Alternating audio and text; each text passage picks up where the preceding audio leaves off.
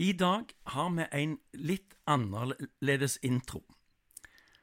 Eh, ikke sant, Ine? Du er med på telefon. Jeg er med på telefon. Eh, vi har en koronavennlig pod i dag. Ja.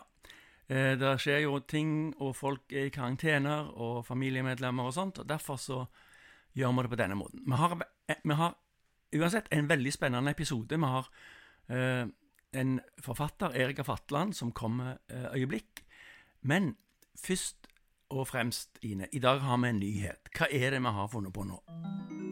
Vi har en kjempenyhet som vi er veldig glade for. Eh, fordi at denne podcast-episoden som vi har i dag, eh, og framover, er sponsa av eh, Madla Amfi. For vi har fått et dag. Vi har fått sponsor, og det er Madla Amfi. og Det er vi veldig takknemlige for. Vi er jo begge ja, Jeg er jo superfan av uh, Madla Amfi. Hvordan er det med deg, Ine? Jo, jeg er ofte innom der. Eh, masse kjekke butikker og spisesteder og Ja, de har jo alt. kjekt. De har liksom Claes Olsson, Dressmann, Vinmonopol, apotek. eh, masse mote. Jeg vet Du bare ler når jeg sier Ja. Dressmann, du. Ja, du er jo på en måte moteguruen, så eh, Ja, det stemmer. hvis det. er noen som lurer på noe, så kan du bare spørre Dag om motetips. Ja, det kan jeg. Eh, men de, det, det skjer veldig mye. Det er jo, altså, Madla eh, Amfi, eller Madla Handelslag, er jo en slags sånn bydelsenter for Madla, vil jeg si. Det, Ja. Der samles folk, det er masse spisesteder, kjekke ting som skjer. Ja, Er det noe spesielt som skjer nå i denne uka? Ja, faktisk så er det det. Eh, dette med sushimiddager sushi, middager og sånt, det har jo vært aktuelt i det siste. Og nå er eh, spisestedet Sabrura Stix and Sushi De har et, en fantastisk tilbud eh, nå denne uka, som er at du kan gå på en sushibuffé og spise så mye sushi du bare orker for 199 kroner. Men det må skje før klokka to. Altså det er, så, Ja. det er et slags lunsjtilbud. Mm, mm. Hørtes det gøy ut? Frist, frister det? Ja, veldig. Mm. Kanskje vi må prøve, prøve det. Ok, men um, vi kommer tilbake til mye mer om Madla Amfi ehm, i episodene framover. Eh, vi er i hvert fall veldig glad for å få de med på laget. Og hvis det er andre som kunne tenke seg å sponse podkasten vår, så er, de, så er de hjertelig velkommen til å ta kontakt på et eller annet vis. Ja. Vi har eh, en episode foran oss. Den skal jeg takle alene, eh, Ine. Av at det er litt rart med sånn treveis eh, Teams og Zooms og sånt. Så eh, Men jeg vet du er eh, fan av Erika Fatland, du òg. Og Ja, veldig. at vi, vi bare dive into it, som det heter på, på godt norsk. Så får du Og lykke til, Dag. ja, det går sikkert fint. Jeg gleder meg veldig. Så her kommer, Ja. her kommer episoden.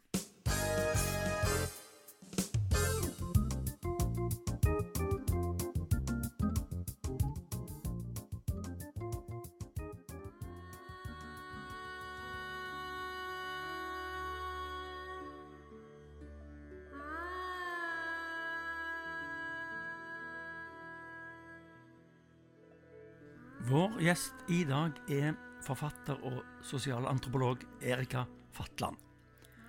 Hun har skrevet en rekke bøker hvor hun reiser til steder som mange av oss knapt har hørt om. Bøkene hennes er oversatt til 23 språk, og hun har fått en eh, svært rosende omtale over hele verden. Hun blir beskrevet som Norges kanskje mest nyskapende reiseforfatter. I 2009 så debuterte hun med boken 'Foreldrekrigen', en humoristisk bok om skilsmisse. Eh, I 2012 så ga hun ut boken 'Året uten sommer', som er en eh, bok om terrorangrepene i Norge 22. juli eh, 2011. Høsten 2014 så utkom eh, boken 'Sovjetistan', en reiseskildring fra de postsovjetiske statene i Sentral-Asia, som slutter på stan. For denne boken så fikk hun Bokhandlernes sakspro, eh, saksprosapris i 2015. I 2017 så kom boken 'Grensen en reise rundt Russland'. Og i 2020 så kom den siste boken hennes ut, som heter Høyt, som er en reiseskildring basert på to reiser gjennom land i Himalaya.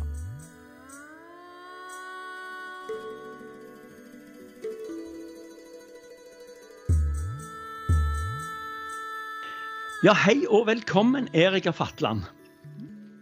Takk for det. Det var veldig kjekt at du ville bli med i podkasten vår. Jeg, jeg, må si at jeg vet faktisk ikke hvor jeg skal begynne. For det, du har skrevet så mye, du har reist så mange steder. Og kanskje du skulle begynne med å si litt om deg sjøl? Hvem er du? Er jo et veldig stort, uh, forferdelig spørsmål, da. Men kan vi si såpass at den siste boka mi kom uh, i fjor høst. Den heter 'Høyt en reise i Himalaya'. Det er ei reise i alle landene som Himalaya er en del av. Fra Pakistan via Nord-India til Bhutan og Nepal, Tibet. Du er opprinnelig fra Ølen. Eh, men du har ikke bodd der på en stund? Nei. Eh, ja. eh, lengter du noen gang tilbake til Ølen? Har du lyst til å reise dit? Skrive en bok? ja, altså jeg reiser ofte tilbake til Ølen, nei. Men om jeg kunne tenke meg å bo i Ølen, så jeg svarer nei. Men å komme på besøk til Ølen er jo alltid veldig hyggelig. Ja. Du, du, er jo ganske Altså, du har blitt oversatt um, til 23 forskjellige språk nå, tror jeg. Bøkene dine. Og um, jeg var inne og søkte litt uh, om deg på Wikipedia. og når jeg gikk inn på Wikipedia i går, så var det allerede søkt 96 ganger på den Wikipedia-siden din. Altså om Erika Fatland. Hvordan takler du, hvordan, hvordan føles det å ha blitt en, en, en, en, stor, kjent forfatter? Altså, det har jo gått um, langsomt. Um, for jeg har jo nå skrevet bøker i um, over ti år. Så det var ingen, uh, det var ingen brakdebut. Jeg debuterte jo med uh, barnebok, 'Foreldrekrigen', som kom i 2009. Og da tror jeg som alle forfatterdebutanter, så var jeg veldig spent på hva, hva skjer nå. Og det skjedde jo ingenting.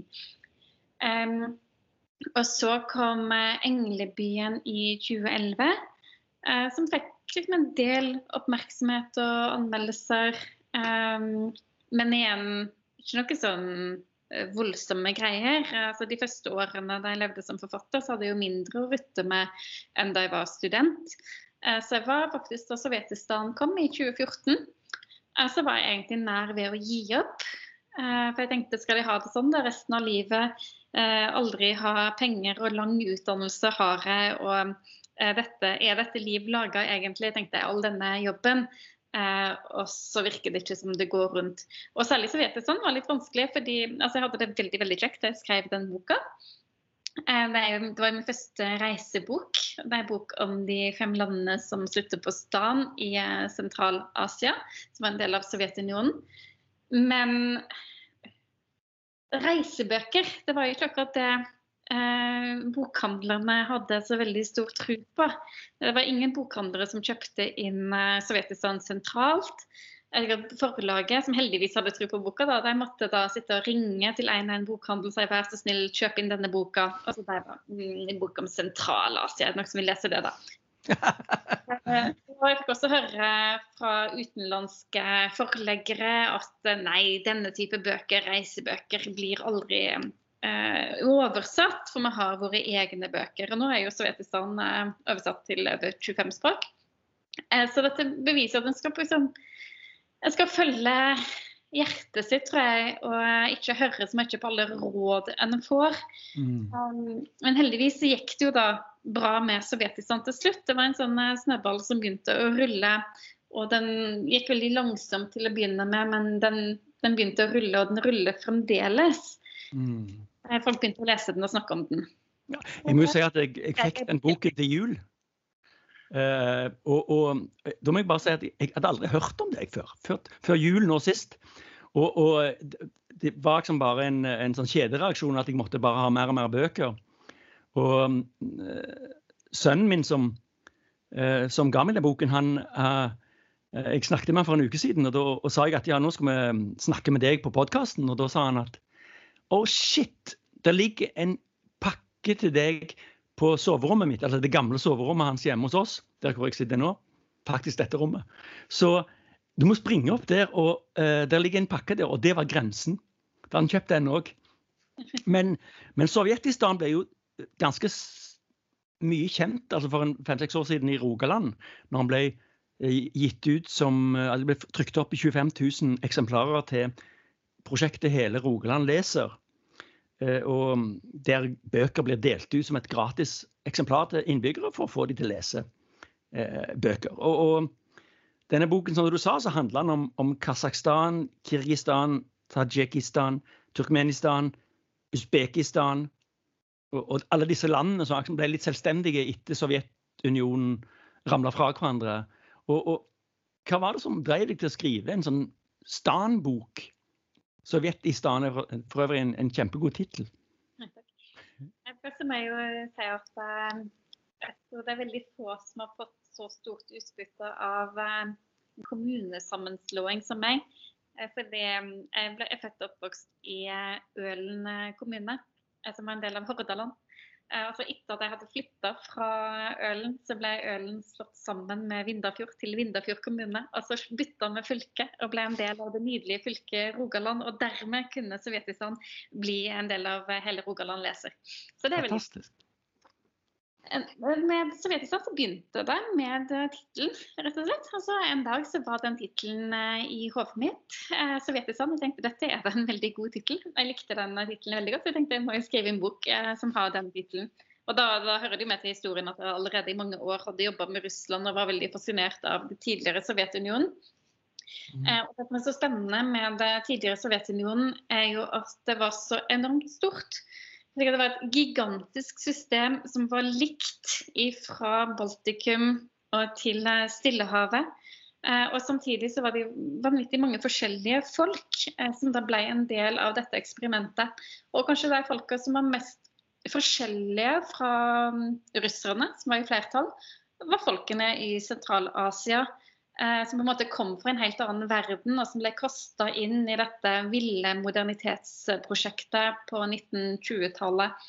Altså eksempel, eh, de hadde veldig lite infrastruktur i, eh, i Sentral-Asia da de ble en del av Sovjetunionen. De hadde vært en del av det russiske imperiet, eh, men russerne de hadde bare henta inn skatt eh, og brutt seg fint lite med hvordan folk ellers levde. Folk der levde som nomader. Um, de hadde ikke skolesystem, helsevesen, de hadde ikke engang landegrenser. slik at nest, det var grunnen at de kalte boka Sovjetistan, er at veldig masse av det som kjennetegner disse landene i dag, det kommer fra Sovjetunionen, altså til og med landegrensene. Mm. Men altså, når jeg leste den boken, så ble jeg jo Jeg ble nesten sjokkert over hvor modig du er. Altså, du reiser rundt i land hvor bruderov er helt normalt. Folk knabber damer og gifter seg med dem, og de kjører taxi mens de pelmer ned på vodka. Og, og, du sitter da som en sånn ung eh, dame i baksetet der. Og, og på alle disse lange turene, eh, var du aldri redd? Jo da, jeg var redd med en rekke ganger, og særlig på disse ville bilturene. Sånn statistisk sett så er jo det farligste du gjør å sette deg inn i en bil, og særlig i sånne land som dette, der eh, det er jo ingen som har tatt lappen på lovlig måte. Ja, lappen. Og, og, sjåføren tar det som en personlig fornærmelse hvis du eh, tar på deg bilbeltet, for da viser du ingen tillit til hans eh, kjøreevne. Jeg var nervøs en del ganger underveis. Men så skal det også sies at Sentral-Asia er eh, generelt veldig veldig trygt. Det er lite kriminalitet i Sentral-Asia. Diktaturer og autoritære stater er jo generelt de tryggeste plassene du kan reise til. Det er jo politifolk og kameraer overalt, til og med på hotellrom enkelte plasser. Um, og på en måte kriminaliteten er satt i system, da blir bare begått av presidenten og hans nærmeste familie. Um, og så er det da at verden er jo stort sett en hyggeligere og tryggere plass enn en får inntrykk av når en leser avisen eller ser på TV-nyhetene. Folk flest er veldig gjestfrie og snille og vennlige. Og Sentral-Asia er jo kjent for sin gjestfri gjestfrihet. Eh, og det viste seg var ingen myte når jeg reiste rundt der. Jeg ble hele tida invitert inn til folk og ble invitert i bryllup ustanselig, og folk um, visste ikke hvor godt de skulle gjøre. Mm, for, for, du skriver òg at uh, det er faktisk en fordel for altså Du er jo sosialantropolog av, av utdanning og skal liksom besøke disse kulturene og komme i kontakt med mennesker. at, at som kvinne var det en fordel. Fordi at du kom liksom inn i andre rom enn en, en, menn, en mann ville fått. Ja, det, det, mener jeg generelt er det ofte en fordel å være kvinne. Jeg tror kanskje det vanligste spørsmålet jeg får når jeg holder foredrag, er om det ikke er veldig skummelt og farlig å reise rundt i verden alene som kvinne. At man går ut fra at det er en ulempe å reise rundt i verden som kvinne. Eh, men i alle fall for meg som forfatter så er det stort sett en fordel. Eh, for nettopp som du sa, at jeg kommer inn i andre rom. Og det merker jeg jo særlig når jeg jobber med Himalaya. Og reiste da rundt i veldig veldig konservative muslimske deler av Pakistan. Der uh, kjønnene lever veldig segregert. Uh, og da ble jeg I Svartdalen for eksempel, så ble jeg invitert inn til en familie og fikk møte også kvinnene som bodde der. Mens da guiden og sjåføren min de ble henvist til uh, et sånn lite gjesterom for menn som vendte ut mot gata. Så de fikk ikke komme inn i huset engang. Og med enda mer ekstremt tilfelle var oppe i, um, i fjellene i Pakistan, som var et sånn ynda et turistområde for pakistanske turister. Og Der lå det en landsby, men den landsbyen lå liksom skjult bak noen gjerder. Eh, og da fikk jeg lov til å bli med inn i landsbyen, mens guiden min som var med meg, siden han var mann, han måtte da bli igjen i dette turistområdet ut forbi, mens jeg fikk bli med inn i landsbyen der kvinnene oppholdt seg. Mm. Altså, bøkene dine blir beskrevet som en slags blanding av en reiseskildring, du har mye historisk kunnskap som du legger inn. Eh, geografi, kultur.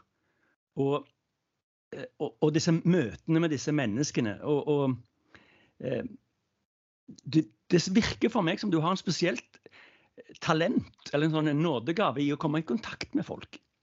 Jeg vet ikke hvordan andre har det, men min erfaring er at um, hvis du er interessert i hvordan folk lever og hvordan folk har det, og stiller stille spørsmål, um, så blir folk som regel glad. Mm. Um, når jeg reiste rundt i, i uh, Sentral-Asia og i nabolandene til Russland da jeg gjorde research til grensen, så hadde jeg en veldig, veldig stor fordel at jeg kunne russisk, og dermed kunne kommunisere med folk uten mm. hjelp av tolk uh, eller guide. Um, det gjorde det selvfølgelig mye lettere. Det er jo ofte sånn at folk syns det er kjekt å snakke om seg sjøl. Hvis du begynner å mm. stille folk spørsmål om hvordan de har det, hvordan de lever, så, svarer de fleste. Mm. Og så finner du alltid en eh, Gjennomgående i bøkene dine så finner du en, en eller annen person, en, kanskje en taxisjåfør eller en eller annen guide eller noe sånt, som, som, som du bruker til å fortelle eh, historien.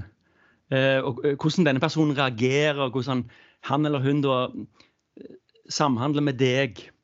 Eh, er det, et, eh, er det en slags sånn fortellerteknikk som du er bevisst på, eller er det Ja, det, det er godt sett, eh, syns jeg. For det er akkurat det jeg prøver på. Mm.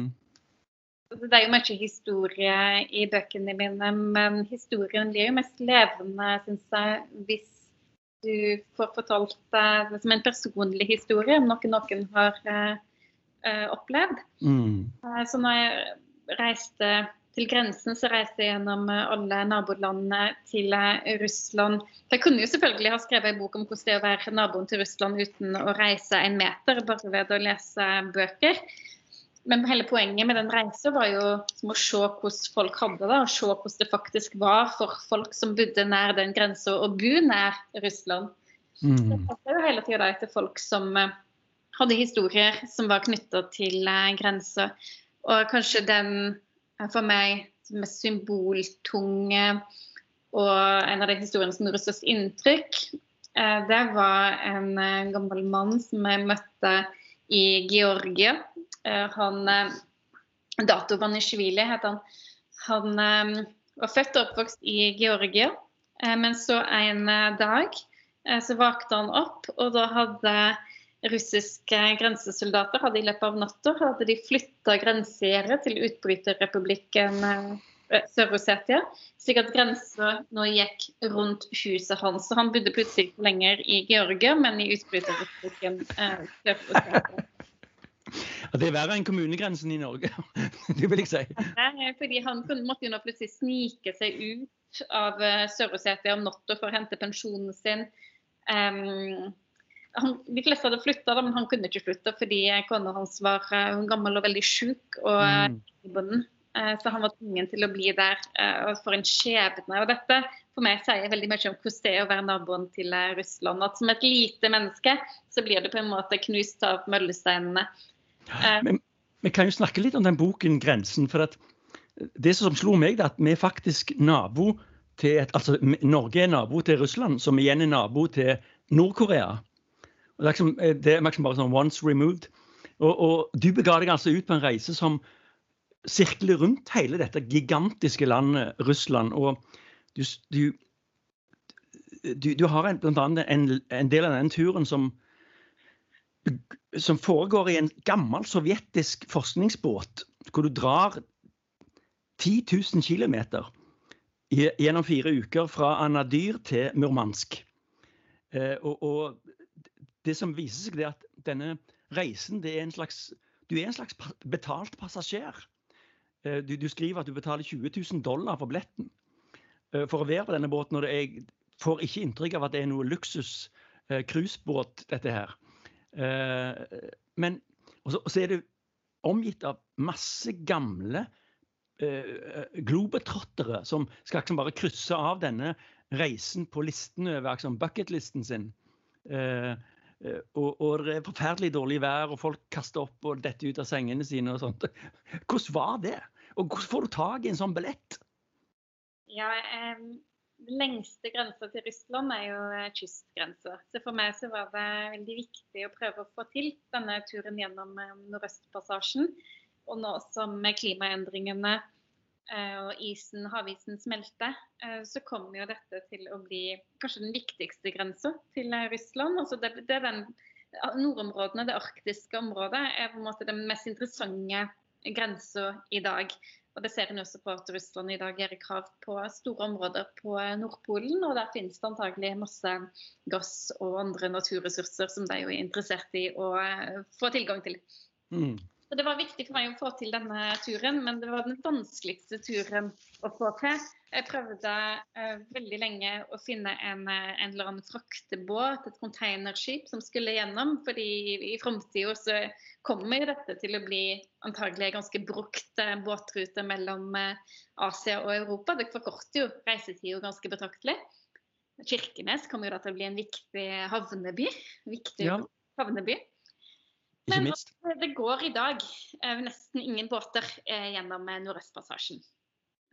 Så jeg prøvde og prøvde og fant ingen. Og så til slutt så kom jeg over dette newzealandske lille ekspedisjonsselskapet som skulle for første gang høsten august 2017 arrangere en tur gjennom Nordøstpassasjen. Og eh, grensen kom ut i oktober samme år. Eh, så da gikk det med nød og neppe. Jeg satt og skrev som en gal på den båten. eh, og, ehm, så da ble det jo ikke en, en sånn containerskiptur, men det ble rett og slett en turistreise gjennom eh, Nordøstpassasjen. Og jeg var jo mm. kjempespent før jeg skulle om bord på denne båten på hvem de andre passasjerene var. For hvem er det da egentlig som frivillig betaler så vanvittig masse penger for å tilbringe fire uker eh, på en eh, lett ombygd sovjetisk forskningsbåt med dusj og do på gangen og der eneste underholdningen er å gå i land på eh, øde, forblåste øyer som bare er bebodd av lemen og isbjørner. Eh, og det var et sjokkerende syn, husker jeg da jeg møtte denne gjengen med passasjerer for første gang i Anadir. Eh, de var så gamle! altså De var så sjokkerende gamle, disse folka. Flere av dem var jo sånn, jeg var bekymra for om de skulle komme seg opp landgangen, opp i båten i det hele tatt. Og altså Vanligvis når jeg sitter i middagsselskaper eller møte folk, så, så pleier folk å bli litt imponert over at jeg har reist og vært både her og der. ikke sant? Men blant denne gjengen her, så var jo jeg den minst bereiste av alle. Og det skapte jo en stor skandale da jeg kunne fortelle at jeg allerede har vært i Antarktis. Det er sånn, Hæ? Hva? Har du vært i Antarktis? Men alle har da vel vært i Antarktis? Det er vel i alle samtalene, for De satt jo stort sett rundt middagsbordet og snakket om andre sånne turer de hadde vært på i Antarktis.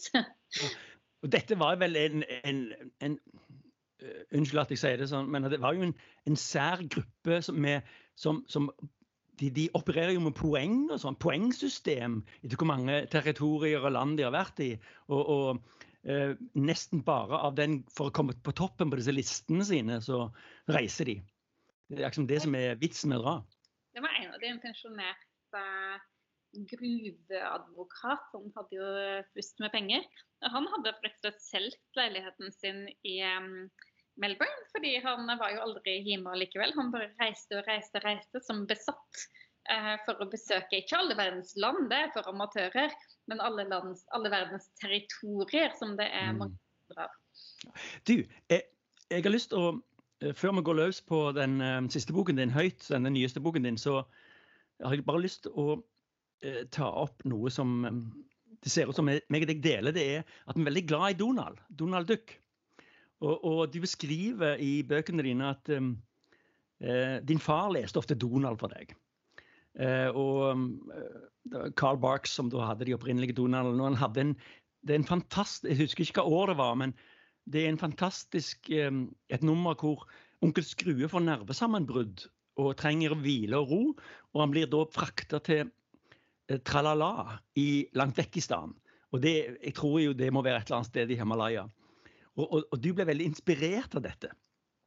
Eh, eh, av den kreativiteten som var i, fortellingen til Donald. Er, det andre forfattere som inspirerer deg, eh, eller har inspirert deg? Eh, som, Carl Barth? Uh, ja, det, det, er det selvfølgelig. Um, jeg er veldig glad i den polske utenrikskorrespondenten Ryszard Kapuczynski, som har skrevet helt fantastiske bøker både fra eh, Sovjetunionen og fra Afrika og mange andre land. Han er virkelig en gudbenåda forteller. Um, og det er jo, altså Når en går inn i en sånn spesialisert reisebokhandel f.eks. i London, så kan en jo bli helt deprimert. For det skrives jo den dag i dag vanvittig mye reiselitteratur. Mm. Uh, andre som jeg er veldig glad i, er um, Paul Theroux, um, som jo skrev 'The Great Railway Bazaar'. Um, Colin Thubron, en veldig fin um, britisk forfatter. Uh, men jeg leser jo selvfølgelig ikke bare um, reiselitteratur, jeg leser jo uh, alt det. Mm. Jeg tenker, og nå blir du kanskje litt sånn sur på meg, men jeg tenker jo som på Bill Bryson. Uh, som har reist mye rundt omkring og beskriver veldig mye møter med mennesker.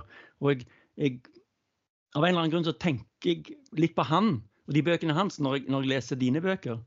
Ja, det ta som en stor kompliment. Ja. Og så er det en ting som Jeg, jeg, jeg er òg ganske stor fan av han Louis Theroux. Vet du hvem det er? Ja, det er en slektning av eh, Paul Theroux, forfatteren.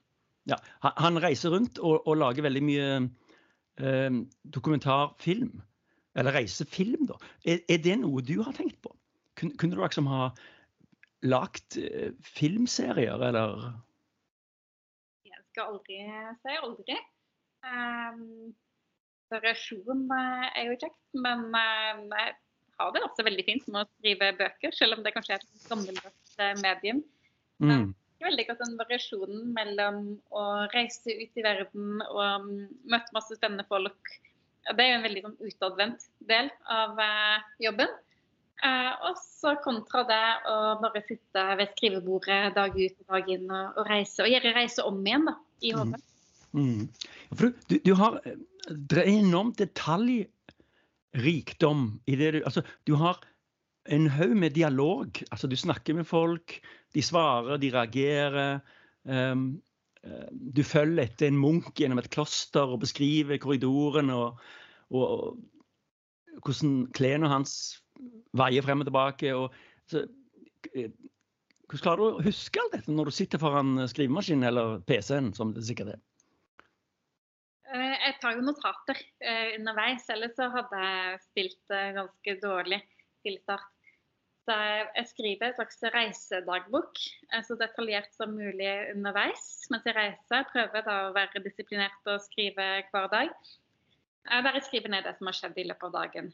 Eh, og av og til eh, så gjør jeg også mer formelle intervjuer der jeg tar notater underveis eller tar opp også av og til de jeg snakker med. Det varierer litt ut ifra sammenhengen. Mm. Og så tar jeg en del bilder. syns det er kjekt å ta bilder. Men jeg bruker det også som hukommelseshjelp for å huske da, kanskje hvordan noen så ut, og hvordan et landskap så ut. Mm. Eh, så til denne boken 'Høyt', som eh, må innrømme jeg ikke lest ferdig. For han, eh, han er nettopp kommet i mitt eie for ikke så lenge siden. Men det er jo en, en, en bok som tar folk med på en reise gjennom land som ligger høyt. Det er akkurat det som er fellesnevneren. Og, og, og uh, i Himalaya, uh, hvor du reiser inn i en, en haug med forskjellige områder og dalfører hvor alt skifter fra dal til dal. Altså religion og klær. Og, og, og du møter folk som samfunn hvor kvinnene bestemmer og, og mennene bestemmer ikke. og sånt. Og, kan du si litt om den boken? Hva, hva, hva var det som fascinerte deg med dette med høyt? Ja, Grunnen til at jeg valgte å skrive en bok om Himalaya, er nettopp det du nå var inne på. At det er kanskje et av de mest eh, mangeslunkne områdene i verden eh, der eh, det bor veldig mange forskjellige folkegrupper. Der en finner mange forskjellige religioner. Eh, du har hinduismen, islam, buddhismen, kristendom, så de store verdensreligionene, men også eh, sjamanisme og animisme. Um, og du finner veldig mange forskjellige språk. altså Mange av de som jeg møtte i Himalaya, snakker seks, sju, åtte språk flytende. Da snakker vi språk som ikke er beslekta med hverandre i det hele tatt. Og dette er bare lokale språk. Ja. Eh, så det er et kulturelt et kjempespennende um, område. Og så er det politisk et veldig veldig spennende område. En kan jo se på eh, Himalaya-fjellkjeden som er fysisk grense mellom Kina og India. De to mest folkerike landene i verden. Eh, og det er jo også stadig vekk spenninger mellom disse landene. Når du ser på kartet over Himalaya, så vil du se at disse røde strekene de går i oppløsning veldig mange plasser. Blir stipla linjer. Og Det er da fordi det ikke er enighet om hvor grensene går. og Dette skjer i Kashmir, mellom Pakistan og India. Men også på grensa mellom eh, India og Kina Kina mange plasser. Mm. Eh, og så har du et en helt moderne aspekt, dessverre, må jeg jo si, med klimaendringene og den virkningen det får på det mm. som er verdens tredje største pol, som er isbreene i Himalaya. Eh, over en milliard mennesker er jo avhengig av vann fra elvene i, eh, som kommer fra Himalaya. Eh, og hva skjer nå med dem når isbreene smelter? Mm. Ja, det er utrolig, uh, utrolig spennende, akkurat det som skjer der. Og apropos spenning, hva er den mest si, crazy uh, far out-opplevelsen du har hatt? Er det liksom en som hvis du, hvis du må, For du har jo opplevd så mye rundt omkring, men er det noe som stikker seg ut, som er det, det rareste du har opplevd? Ja, um, det er jo heldigvis ikke alt en kan eh, planlegge, eller en prøver å planlegge, og så skjer det noe helt annet. Uh, da jeg var i Nepal, uh, så reiste jeg til en landsby som lå langt borti som et fly og så kjørt med jeep i mange mange, mange timer for å komme til den landsbyen. Og grunnen til at jeg reiste til denne veldig fattige delen av eh, Nepal, som jo er fattig i utgangspunktet, det var for å eh, snakke med eh, kvinner om denne praksisen som de har en del plasser i Nepal, med at jenter og kvinner når de har menstruasjon, må overnatte i sånne egne menstruasjonshytter. Og dette er forbudt fordi det er farlig, og mange jenter dør hvert eneste år. Så det var på en måte tema for uh, reisen. Og det gikk veldig bra og fikk mange interessante intervjuer og møter rundt dette temaet. Uh, og så la jeg merke til at det gikk utrolig mange menn med noen hvite turbaner rundt omkring. Men veldig mange, påfallende mange menn i hvit turban. Og så fikk jeg da forklart at de med hvit turban, det er sjamaner. Eh, og så spurte jeg hvorfor er det så mange sjamaner her. Nei, det var fordi at eh, Dagen etter så skulle det være eh, årets største ritual, Bissasai eh, der de da skal slakte over 100 geiter for den lokale guden.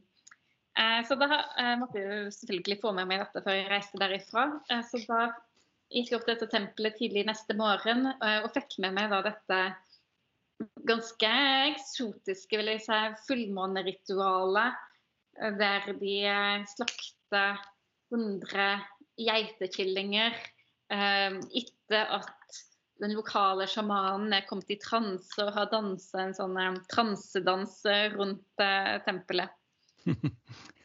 det høres eh... En del barndomsopplevelser fra oppveksten på slakteriet til å bleikne litt. Mm. Ja, det er, det er jo utrolig fascinerende hvor, hvor, mye hvor mye det fins i denne verden, vår verden, av, som vi ikke vet om. Eh, men de som du treffer, uh, de vet vel ingenting om Norge? De, blir, blir, de sjokka liksom, av ting du forteller om, om, hvordan vi har det hjemme i Norge? Det kommer jo veldig an på. Verden er på en måte både veldig liten og veldig, veldig stor. Da jeg var i Pakistan, i Swat, hos denne familien der jeg fikk lov til å komme inn i huset mens guiden og sjåføren måtte sitte ut forbi, eh, der viste det seg at den ene sønnen i familien han holdt på å skrive en doktorgrad om den norske sosialantropologen Fredrik Barth. det var jo litt av en Det er jo fyr og flamme når han hørte at jeg var norsk. Ja, ja, ja. ja. Eh, og i Nepal, i Everest-regionen, der er det jo landsbyer der nesten alle mennene har vært i Norge og jobba med å bygge sherpa-tropper.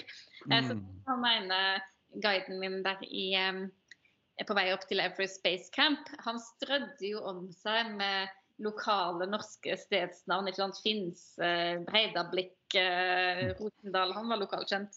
Mm. Ja, men Vi har vel noen sånne skjerpa greier opp til Prekestolen, vil jeg tro. Det er mulig de tar feil. Men, men det, de har liksom kontroll på det markedet, tror jeg. De er veldig flinke på akkurat det. Du, jeg må ta opp en ting med deg. Du, du reiser til land hvor du må ha visum. Um, annet Nord-Korea. Eh, det er ikke akkurat det enkleste stedet å reise inn i.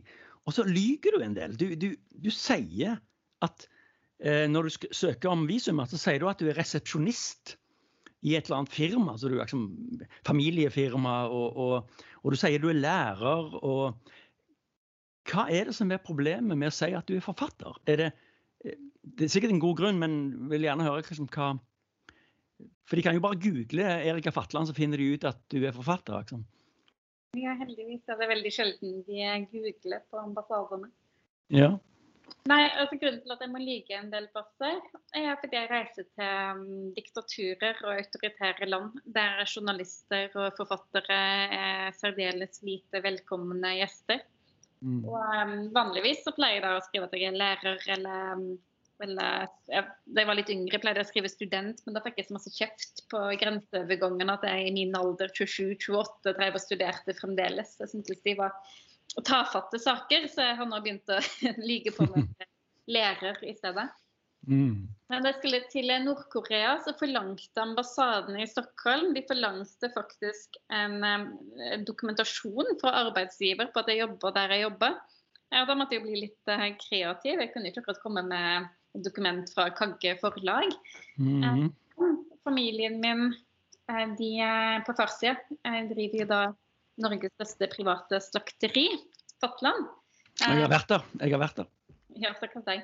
Uh, og selv er jeg vegetarianer, uh, men endelig så kom denne bakgrunnen da til nytte. For da ringte jeg til resepsjonen i Fatland Ølen og spurte om de kunne gi meg et alibi. Og da fikk jeg en attest der det sto at jeg var slakteriresepsjonist ved fastlandet Oslo. Og det viste seg at det var, det var verdens beste alibi, verdens beste dekkhistorie. Det var ingen som, liksom, som, stilte meg et eneste spørsmål om jobben min.